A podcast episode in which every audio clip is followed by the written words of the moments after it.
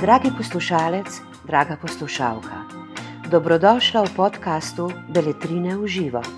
Tokrat se bodo o knjigi Klara in Sonce avtorja Kazua Išigura pogovarjale Anja Zidar, Petra Meterc in Maja Peharc.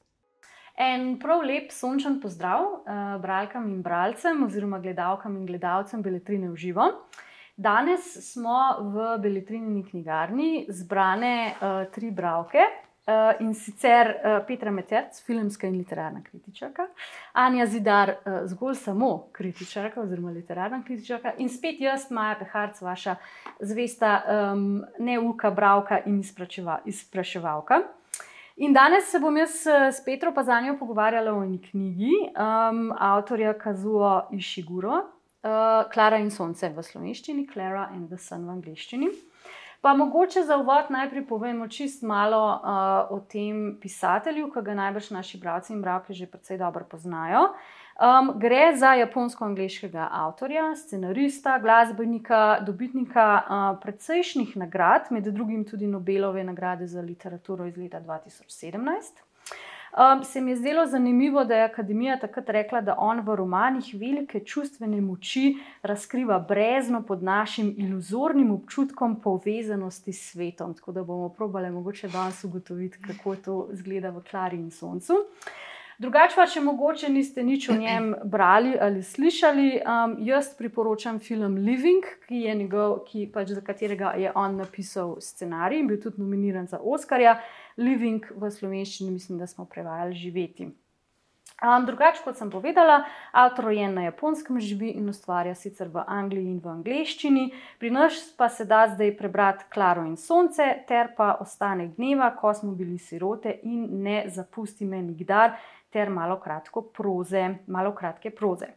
Tako, jaz bom kar priznala, da je to moja prva njegova knjiga in um, se že veselim pogovora. Gledala sem Living film. Me pa zanima, kje ste se vidve prvič srečali z um, Kazotom in kako um, ste vidve brali njegove knjige oziroma gledali filme, če sta.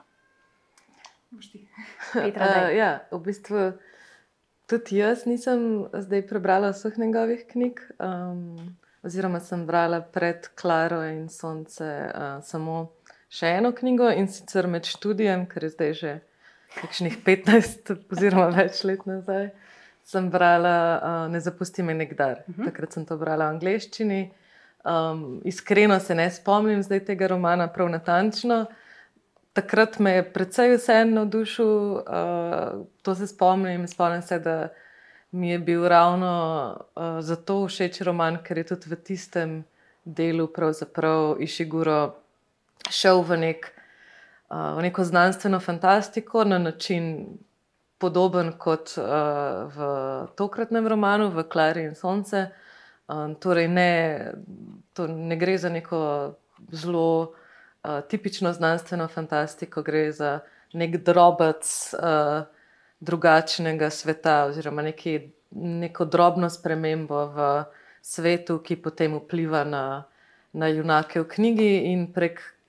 Zaradi, zaradi te spremembe, pravzaprav nekako um, se roman poglobi v junake same in v družbo, v kateri živijo. Torej, um, izhodišče je bilo neko, uh, nekaj, recimo, temu znanstveno-fantastičnega, torej kloniranje v tistem uh mhm. -huh. primeru. Um, vse ostalo pa je pravzaprav nekako raziskovanje človeške narave in družbe. In uh, se mi zdi, da s, s tem, ko sem poznala to prejšnjo knjigo, se mi zdi, da sem veliko sporednic, pravzaprav A, tako čist okay. splošnih, seveda, ampak uh mhm. -huh. lahko delala tudi zdaj s tem romanom. Ok, super. Anja, pa ti? Mm, jaz sem se pa z Žiburom po ful priporočilih in ful časa srečala šele, ko sem se. Ko sem pripravljala dijake na maturo, torej neko sem se sama, uh -huh. potem smo imeli druga dela. Um, in vem, da mi je bilo v resnici kar težko, predvsem zaradi tega, ker se jaz nisem nekih stvari vprašala, ker ne vem, Da, sprašujete tako, kaj pa kaj kloniranje, kako imamo kaj s tem. Ne, um, ne vem, če je to daj tema za zjutraj ob kavici. Kaj pa kloniranje? Ne, no, se, in, um, se mi je zelo, zelo zanimivo, da v bistvu so dijaki nekako že tako zgodaj in dijaki seveda, um, soočeni s temi vprašanji. ki sicer ok, se je kloniranje, ampak so v bistvu. Všeč mi je bilo, ko sem brala, da se gre v resnici za vprašanje vem, ljubezni, uh -huh. sobivanja, tudi skupnosti, pač nekih prijateljskih vezi, ki se tvorijo ali pa se ne tvorijo. Um, sem pa v bistvu pred no, nedolgo časa nazaj gledala, mislim, da Drive My Car, ki je uh -huh. Murakami v bistvu prispel, ne tudi Murakami. Slabo, no, poznam japonske avtore. Um, ampak ne, tako, v glavnem nisem ravno, ne bi rekla, da me ni navdušila, ampak se mi zdi, da ima neke teme nastaja, s katerimi se ne srečuješ pogosto in uh -huh. potem se tudi nočeš mogoče, ker zbujajo nek. Um, ne ravno nelagodje, ampak um, tako, neka taka vprašanja, ker čak, si bolj dolgo časa čakaš nek odgovor, okay. da mogoče v drugi knjigi, drugi priložnosti. Um, tako da sem bila v bistvu zelo vesela, da sem zdaj spet nekako prisiljena še enkrat soočenje z z Šigurom. Um, okay. zdi, ne, nis, nisem pa mogoče tako povezal tvorla, kot si, kot si jih ti omenila. Um, mi je bilo pa zagotovo lažje, da sem imela nekaj prej znanega, da se veš. Okay, zanimivo. Potem bomo pa imeli relativno svež pogled, ker jaz, kot sem rekla, nisem še brala njegove knjige. Um, pa dajmo skočiti kar um, v stvar in sicer v Klaro in Sonce. Zelo na kratko bom povzela vsebino, zato da um, ne bomo delali kvarnikov oziroma spoilerjev ali kvarnikov, ne vem kako se jih pravilno naglasi v slovenščini. Ampak um, meni se zdi, da je Klara in Sonce zelo enostavna, ampak hkrati tudi zelo kompleksna zgodba.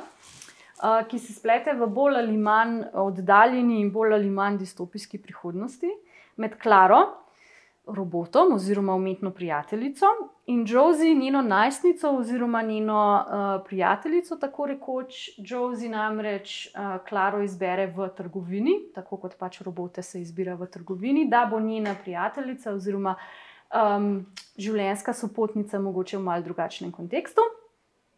Uh, in potem, seveda, se razplete neka taka zanimiva zgodba, kjer um, mora Klara nekako rešiti Josie pred, pred smrtjo, oziroma ji mora rešiti življenje uh, v takem enem, enem zelo zanimivem, znanstveno-fantastičnem um, žanru, oziroma svetu, kot sta v bistvu obe dve že omenile. In to je v bistvu mene najbolj presenetilo, ko sem začela knjigo brati, ker jaz, kot neka taka bralka, ki zelo redko bom priznala, posegam po neki bolj klasični literaturi, zmanjšujem ta predsodek, da ah, to bo zdaj nekaj takega kompleksnega in zateženega in bomo pač moralizirali. Ampak ne, že takoj, ko začneš brati, v bistvu še posebej moj možgan, ko sem prebrala veliko. Z žanra, veliko znanstvene fantastike, jaz sem lahko, oh, ok, zanimiv znanstveni, znanstvena fantastika, to pa znam, to pa mi ne bo težko. Um, kako se vam zdi, še posebej glede na to, da ste brala, brali tudi njegovo prejšnjo znanstveno fantastično knjigo, kakšen je njegov ta žanr, kako nas popelje um, v ta sci-fi svet, kaj, kaj si znamo, kaj od žanra poznamo v njegovih knjigah, kaj s čim nadaljuje, kaj je novo, kakšna je njegova znanstvena fantastika. Hmm. Katera koli. Hmm. Meni se zdi, da kar mi je zelo fascinantno pri njemu, um, je v resnici to, da vzame nek tak zelo majhen segment, mogoče sveta, in lahko zelo dolgo časa zares ne opaziš ali pa ne zaznaš neke distopije, utopije, mm -hmm. pač mhm. kakorkoli si jo interpretiraš. Um, in še lepo na koncu pride mogoče ta obrat, ki pač mene, uh, me nekako malo odvrača čisto tega. Um, in mi je zaradi tega zelo zanimiv, ker sem si pa v bistvu, jaz se pa sci-fi zelo redko lotevam, ravno zaradi tega, ker sem tako joj, pa zemljevid, pa veliki vem, pa kje sem se znašla, pa full nadaljevanj. Uh, Medtem, ja. tukaj je pa tako zelo majhen segment, se razdeluje, obdeluje, da se ti v bistvu, mislim, jaz se tako zelo dolgo tudi v tem romanu, sem lahko kaj pa tukaj znanstveno fantastičnega, uh -huh. pa v bistvu ko nazaj razmišljaš, ko si ga še za nazaj prebral, pa ugotoviš, da je cel kup nekih um, jajčkov, iste reči, mm -hmm. ja. ki ti povejo, ki, ki že v bistvu nakazujejo, pa mogoče nismo, mislim, tega ne prepoznaš kot take. To se mi zdi to um, ena zelo. V resnici je kvaliteta branja, da tudi, recimo, tudi nas, ki ni, eh, na eni strani tiste, ki ste fani, sci-fi, uh -huh. da povlečemo noter, ampak tudi tiste, ki nismo. Uh -huh. um. Ja, jaz sem pa po mojem ravno nekje vmes med vama. Torej, berem uh, rada znanstveno fantastiko, ampak prebiram predvsem, če že. Uh, neko to znanstveno fantastiko, ki, ki zgolj. Um, Ki te neke elemente znanstvene fantastike zgolj porabi za Mhm. neko širšo razpravo, bodi si družbeno, politično, in tako naprej. Um, sem tudi študirala polščino, zato mi je recimo Stanislav Lem blizu, ki je včasih tudi z nekimi temi uh, upeljavami znanstveno-fantastičnega, čeprav na prvi pogled mogoče zelo, um, zelo zašel v neke druge svetove ali pa na druge planete in tako naprej, ampak v resnici je vse čas raziskoval človeka. Ne. Um, in zato mi je mogoče pri Išiguru tudi zelo všeč, da to na nek tak zelo. Um, Pravzaprav tako droben način počne, ne? da vse čas, kot si že rekla, da je neke namige. Um, mogoče pri tem romanu posebej mi je bilo predvsem zanimivo, na kakšen način in v kakšnem ritmu te, uh -huh. uh, te drobce razkriva.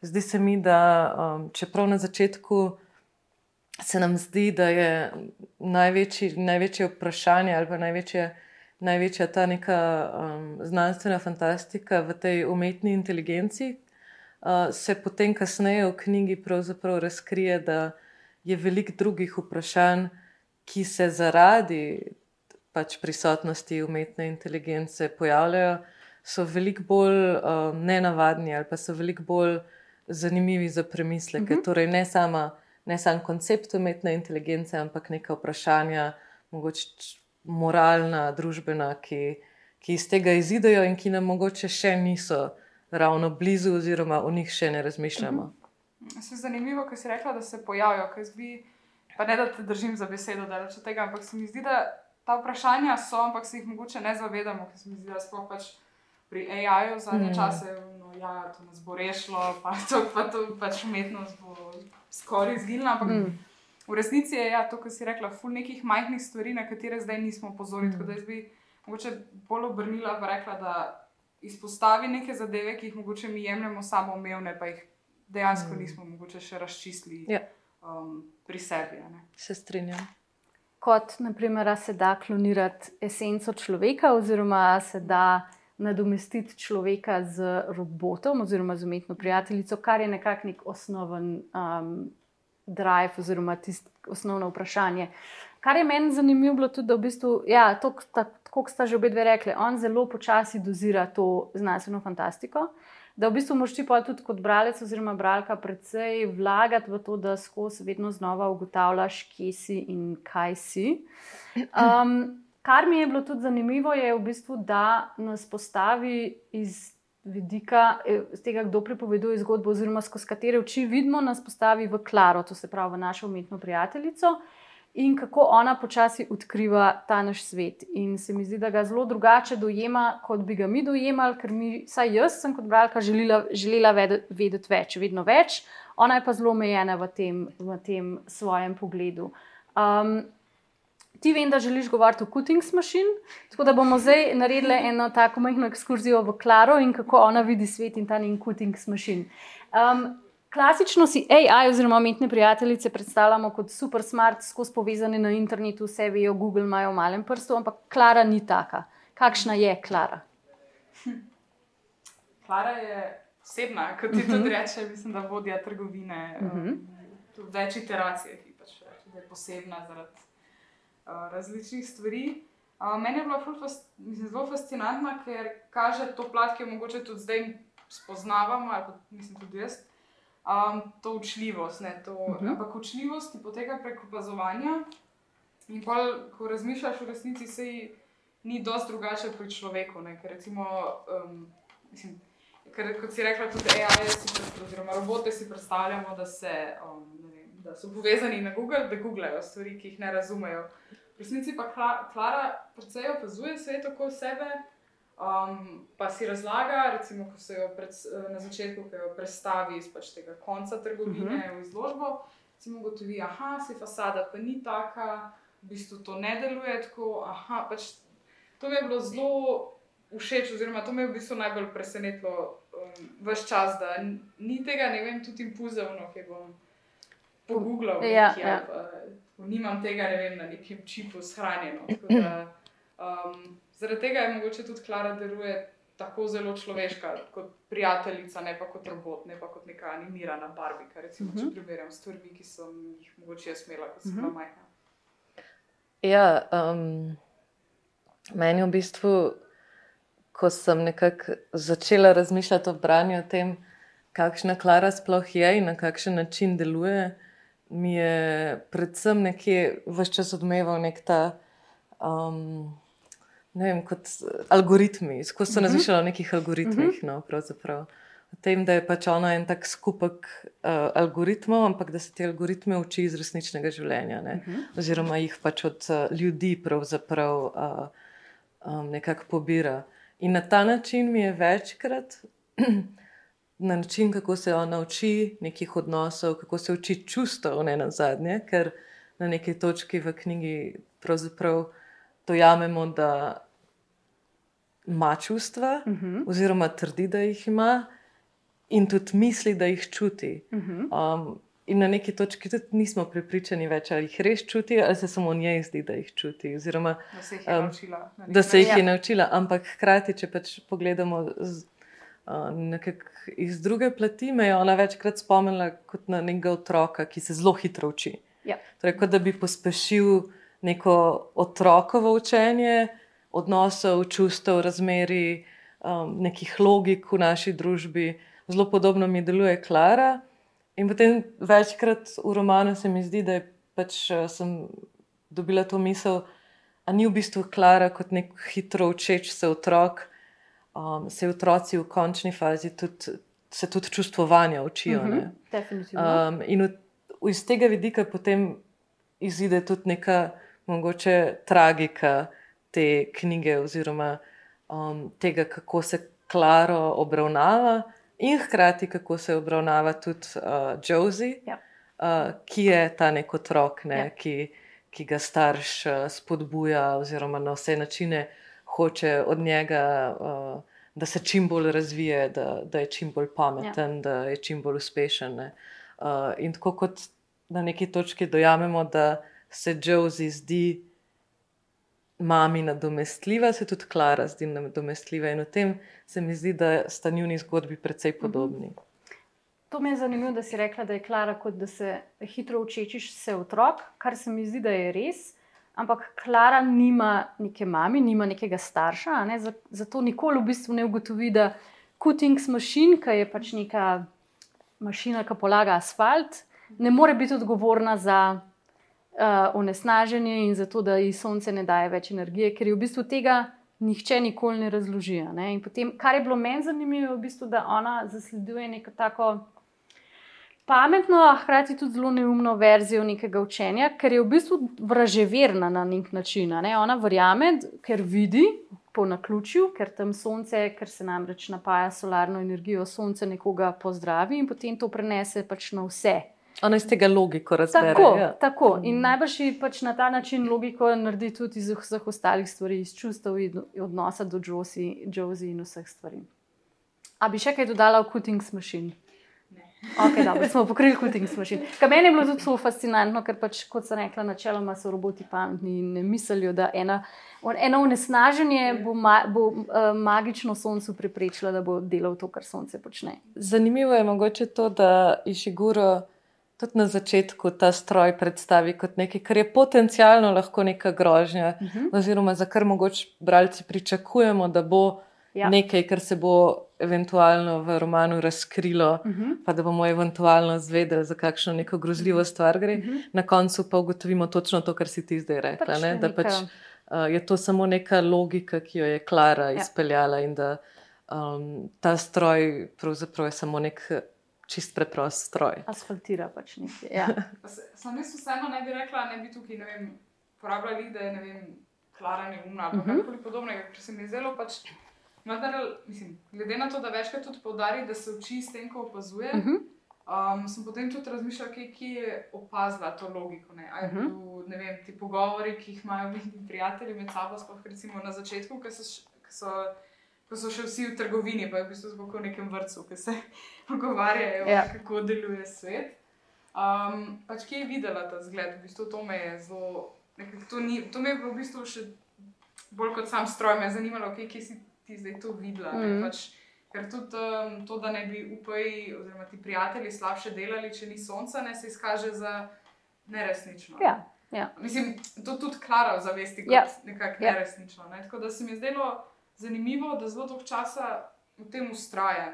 Mm -hmm. um, In to tudi ni razrešeno. Ja, ne, uh, ja, uh, ene par stvari ni razrešenih v tej knjigi. Mislim, da smo se že dotaknili tega, kar smo rekli, da je Šiguro zelo dozira na mehak način to prihodnost, oziroma ta sci-fi. In tudi vem, od Josie oče, ko zgubi službo in potem gre kar živeti v eno komuno in potem kar mal tako nadrobi. Ja, mi smo pa zdaj tle, smo ali nismo fašisti. Um, ta zelo, zakaj je Josie bolana? Ker je bila v angleščini lifted, v slovenščini nadgrajena. nadgrajena, kar je tudi se mi zdi zelo tak.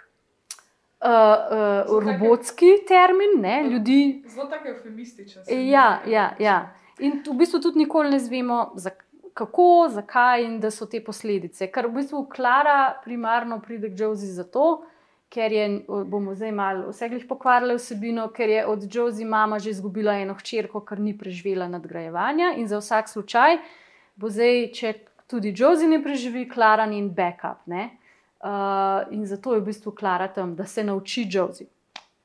Mogoče edino čist neka uh, digresija, na, mm -hmm. na, ker sem ravno pomislila na to. V angleščini je lifted, v slovenskem prevodu je nadgrajena. Uh, recimo, ko, ker si pač tudi ti pisala o Lifted, ne, ko smo se prej malo uh mhm. -huh. pogovarjali o tem. In potem, ko sem brala, sem takoj videla to nadgrajenost. Ne. Mi je bilo zanimivo ta moment, da včasih uh, prevod lahko prej razkrije nekatere ja. stvari. Ja. Kot, ker če bi jaz v angleščini brala, recimo, lifted, je zelo ne bi, ne bi, je, je pač zelo generična uh -huh. uh, beseda, ki jo ne bi takoj povezala z neko, mogoče z nekim genskim spreminjanjem. Ja. Uh, pri nadgrajevanju je to prišlo malo hitrejše, uh, kar seveda ni nič napačno. Mi je bilo pa samo ena zanimiva misel o izvirnikih in prevodih v tem smislu, ker uh, cela knjiga je dejansko zgrajena na tem, da pač zelo v nekih uh, majhnih dozicah, kot smo že zdaj parkrat rekli, ja. izveš sploh, zakaj gre. Um, ne na zadnje se mi zdi, da občasno je tudi zelo zlovešča knjiga uh, v nekem tonu, mogoče celo bolj kot v osebini. Uh, tudi, ko, recimo, ko za, začnemo nekako dobivati informacije o tem, kaj mama hoče pravzaprav od Klare, uh, kako si mama predstavlja tudi uh, neko to nadomestitev Josie, v primeru, da Josie ne preživi, um, je pravzaprav zelo neprijetna misel. Ne? Uh, in v tistem trenutku, ko se to začne dogajati, oziroma ko mama to nam nekako razkrije v knjigi, se mi zdi, da, da mi kot bralci to dojamemo veliko bolj zlovešče ali pa veliko bolj uh, neprijetno kot seveda Klara. In v tistem trenutku se mi zdi, da nekako mi kot bralci malo prehitimo Klaro. Uh mhm. -huh. In tudi to mi je zanimiv element knjige, ker pač vemo, da je Klara na nek način. Um, naivna v teh svojih logikah, um, nekako vse čas, zač, nekako vse čas začnemo nekako tudi razmišljati o tem, kaj ona ve, kaj ona zares razume in kaj mi vse razumemo več. Um, in v tem smislu ja, se mi zdi, da je to lep prijem literarni. Ta, mm -hmm. Da pač Absolutno. ona kot pripovedovalka pravzaprav je na, na, na neki točki začenja biti omejena v svojem razumevanju, in mi smo pa tisti, ki nekaj malce bolj ja. neprijetnega in mogoče ne toliko moralnega, vedno bolj pa, pač smo, čutimo in zaznavamo. Ja, v bistvu smo v tistem času tudi toliko časa zno, da se ravno začnemo spraševati, ima čustva, mm. kako bo to. Pa želiš v bistvu, da preživi, oziroma da se njena zgodba nadaljuje. Saj jaz sem mm. želela, da Klara. Še več se stvari nauči in postane še bolj nekako um, človeška. Ja. Um, a sta A sta potem klasično, po nekem uh, znanstveno-fantastičnem uh, žanru, bi mogla Klara potem se ali pač narediti revolucijo in uh, narediti Terminatorja, ali pa se sprijazniti z usodo, kot mogoče v knjigi se. Kaj, a sta kaj od tega pričakovali, oziroma kako se vam zdi potem ta končni njen pristanek na um, Jardu oziroma na um, odpadu? Zdaj, prav tako v slovenščini je odpad. odpad ja. Govorili ja. o o tem prehitevanju, mislim, da je slovenski prej eksplicitno odpad. Mm, pa ne vem, v resnici, ne da me je presenetilo, da bo tako končala, ampak um, potem, ko se ta zaključek, mislim, ne da je pričakovan zaključek, ampak veš približno, kaj mm. pomeni, kaj pomeni, da bo zadeva zaključena. Um, me ni zares presenetilo, mi je bilo pa vseeno precej brutalno na ta način. Um, ker se ji, mislim, kot otroci, smo zavrgli tisoč igrač in let, zdaj se to dogaja. dogaja. Um, pa ne, ne zdaj vno, okay, kaj se zdaj barbike misle, ki si jih, pač, tisti zadnjič, ki si se z njimi igral. Ampak um, zanimivo je, da je še vedno tako, koliko, na nek način, kako stoično to prenese. Ker se mi zdi, da vendarle. Um, Klara je vseeno precej neodrasla, v bistvu tudi potem, ko gre ko, uh, proti koncu, uh, mama tudi v resnici. Ja. Mislim, je zelo zanimivo, kako ja, kak, pač, um, ne Josie je neodrasla. Torej, kako pa Klara kot tista, ki se je od njih učila, vseeno to zelo stoično, mirno prinese. Mislim, da reče celo, da, da je dobro živela, ker ji. Ker ji ni bilo treba hoditi tri metre za svojim človekom, kot ja. pač nekaterim. Pa ker je v bistvu opravlja svojo nalogo. Se ja. ona reši Josie in Josie gre potem na faks oziroma študirati in job well ja. done. Ne? Kar, ja, karkoli je že bila tista rešitev. Ja, ja, mislim, jaz mogoče, uh, sem celo mogoče malo več razmišljala o tem, zakaj ta. Mislim, Kako pravzaprav ločiti to njeno neko mo mogoče subjektivnost uh mhm. -huh. od tega, kaj je njena logika ali pa njena mogoče čist uh, mehanična, logična stran. Um, ker se mi zdi, da na neki točki preseže ta moment uh, robotskosti oziroma umetne inteligence s tem, kako zelo si želi uh, nekako pomagati Josie. Hkrati ima veliko nekih opažanj o ljudeh, ki so mogoče celo bolj pronicljivi, mm -hmm. kot mhm. jih imajo ljudje sami uh, zaradi tega logičnega sklepanja. Um, in potem, pravzaprav, katera koli usoda te umetne inteligence, te umetne prijateljice, ne glede na to, kaj bi se zgodilo, um, če bi ostala v tisti hiši, če bi šla na odpad. Če bi nadomestila Josie, v vsakem primeru se mi je to zdelo pravzaprav žalostno, uh -huh. uh, ker kljub temu, da gre za umetno inteligenco, mi je prirasla nek, na nek način k srcu. Uh, Um, in se mi zdi, da pravzaprav ni jih pomembno, kako je ona končala v knjigi. Um, Išiguro se mi zdi, da skozi poskuša nekako um, prek zelo čisto običajnih situacij ne, in teh, te, te cele zgodbe nekako zarisati neko podobo družbe, kjer mogoče um, je vedno manj pomembno, so vedno manj ene stvari pomembne. Oziroma, uh, ker so odnosi nekako um, niso več toliko uh, poglobljeni, oziroma so mogoče bolj egoistični, sploh strani mame. Recimo, sem, uh. -huh. mislim, to, kako mama pravzaprav gleda na svojo hčer in tudi na Klara, se meni zdi. Tako zelo um, egoistično. Ja, pač ne zdi se mi, da je to neka materinska mhm. ljubezen. Ona v bistvu sama sebe želi zaščititi ja. pred ponovno bolečino izgube ja. otroka in se ne sprašuje o tem, ja. kako se Klara pa Josie počuti. Sej, to je mogoče ta trenutek, ko je, se mi zdi, da je Šiguro veliko bolj realističen ali pa blizu trenutnim situacijam, kot kar nekim utop, utopičnim uh mhm. -huh. stvarem. Ko pač vpraša, okay, kaj, pa, kaj pa jaz to imamo, pač kaj, kaj so ta čustva. Pač ravno to, kar si rekla. Pač ne glede -huh. na to, mm. kaj bo sklaro na koncu, ne pa če ni grozno, da je sam še ena stvar, da je, da je bilo to sam še neki trenutkov, ki se jih um, Josie mogoče tudi spomnila. Ne bo, ne. Um, tako da tukaj si mi, si meni je bilo pa tukaj pa na koncu vsa ta zadeva, ki pride čist na koncu, da si tako, ok, v bistvu. Ne da je bilo vseeno, če, bi, če, mm -hmm. imela, če je bila Klara pač zdaj up, torej prijateljica Josie ali ne. Ampak ko vidiš, kako, je, kako malo je to pomembno v resnici, to mi je bilo kar tako. Wow. A, mogoče to, kar si, mislim, da je eno od dvaju prej rekla, da um, uh, Išiguro pravzaprav um, ponuja neke razmisleke, o katerih pač uh mhm. -huh. mi še nismo tako javno začeli razmišljati, oziroma mogoče, ko se piše vse te umetne inteligence, se ravno o teh stvarih ne piše.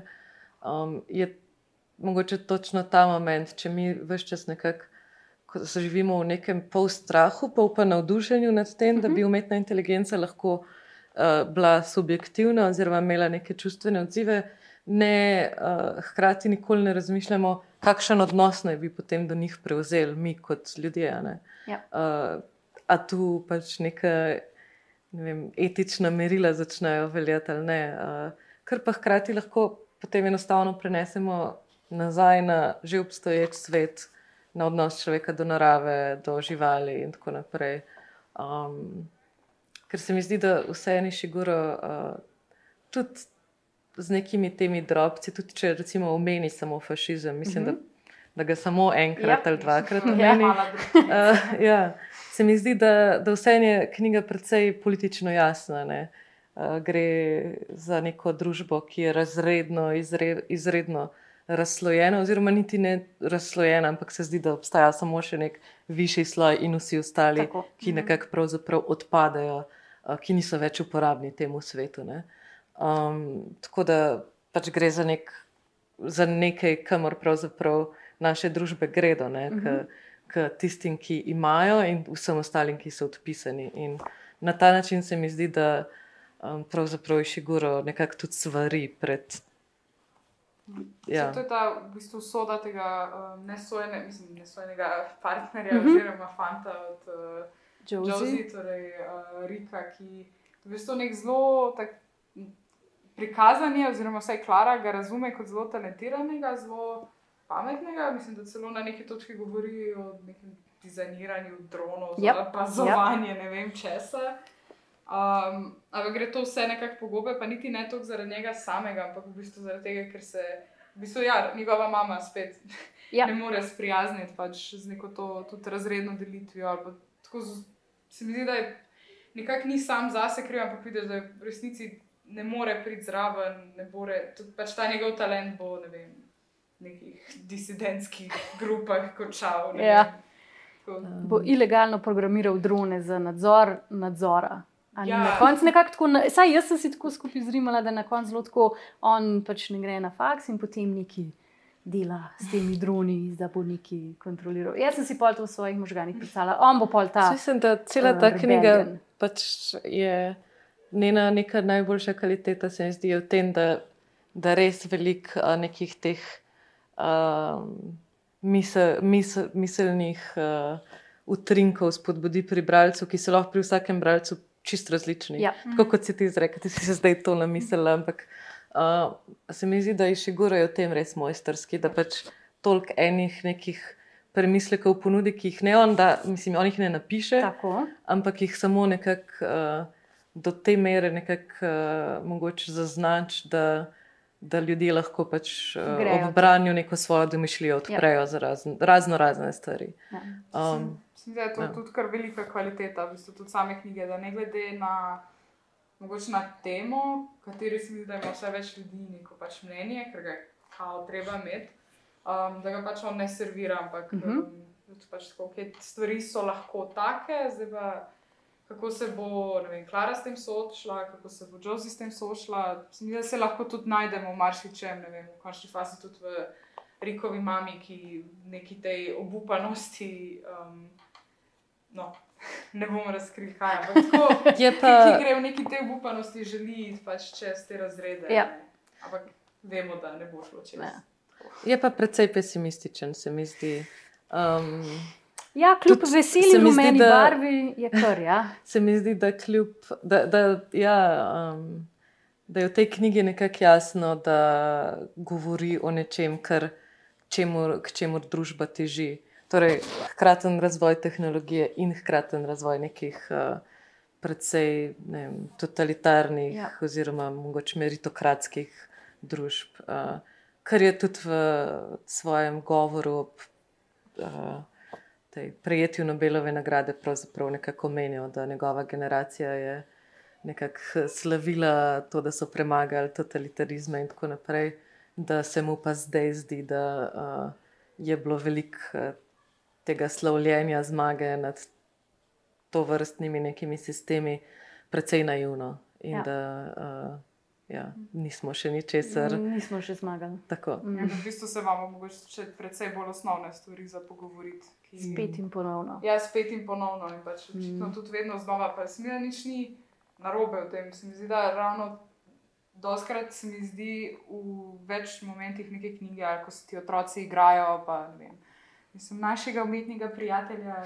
ga, v, sem ga vrgel čez ne okno. Pač čisto je neko, bre, neko brezvezno nasilje, ki se tam med ne otroci pač, uh, pojavi. Se mi zdi, da pač nič ni narobe, da se o tem pogovarjamo. Ja. Ja. Da smo tako reči, da sem se to pa ni v redu, ne, da se dogaja. In se mi zdi, da tukaj mogoče malo več zahteva. Oziroma, če je kak moralni nauk, pa se mi zdi, da ga ni, da ga noče podati. Mhm. Ampak je pač ta, da treba se je pogovarjati o stvareh, tudi ne vem, o problematičnih stvareh ali pa stvareh, ki, nas, ne vem, ki so nam neprijetne, ki nas tudi Ja. strašijo. Um, pa to niso vezane lahko niti na AI, recimo, Mm. ali pa tehnologijo. Ja, se v bistvu neka ta opažanja, ki jih ima Klara tekom knjige, pravzaprav veliko teh stvari tudi nakažejo. Mislim, da enkrat reče nekaj vsega, da se ljudje vedajo robato, zato ker so osamljeni. Ja. S tem, da verjetno tako ona reče robato, pravzaprav misli nasilno. ne. Najbrž. ja. Um, ja. Ja. Tako da. Kje smo s časom, režija? Okay. A, okay, dobro. pa, pa bomo mogoče preskočili vprašanje o jeziku, pa, bova, pa bomo vpraš, v bistvu zadnje vprašanje. Um, glede na to, da smo zdaj natematizirali um, en kupinih stvari, komu bi priporočili um, tole uh, rumeno knjigico? Vsem ali znanstvenim fantastikom? Ali ljudem, jaz ki jih mislim, da-. Jaz mislim, da vsem, ki jih zanimajo neki potencijali prihodnosti, Okay. uh, kar pa ne pomeni samo ljudi, ki radi berejo znanstveno fantastiko. Mm. Ja, jaz bi rekla nekaj podobnega, ampak mogoče celo predvsem tistim, ki so pripričani, da nas bo AI rešil. no. Se mi zdi, da tako, rešil nas bo to, kot bo videl nas, mogoče, se bo od nas naučil. Ja, to je tudi lepa misel, da pravzaprav uh, bo umetna inteligenca reševala nas toliko, kot se, se bo naučila nas reševati. Ne? Pol bomo res distopični, pa jaz ne bom imela nobenega zaupanja v to, da nas bo rešila. Vse jo mi, mi delamo, pa od nas se uči. Ah, Okay, na to super, čudovito, pozitivno noto. Um, hvala lepa. Uh, Petra in Anja za tebi, pogovor. Um, absolutno. Um, še enkrat bom ponovila, uh, Kazuo Išiguro, Klara in Sonce, rumena knjiga v fizični obliki in ali v digitalni verziji izgleda takole. Uh, pridite v Beletrino, uh, poberite knjigo, preberite jo in potem skupaj s prijatelji podiskutirajte, kaj vse Išiguro notri ne pove, oziroma kaj hoče povedati. Hvala lepa, pa do naslednjič. Adijo. Najlepša hvala za vašo pozornost. Za več knjižnih vsebin vas vabimo na www.beletrina.si in v našo knjigarno na Starem trgu 3 v Ljubljani.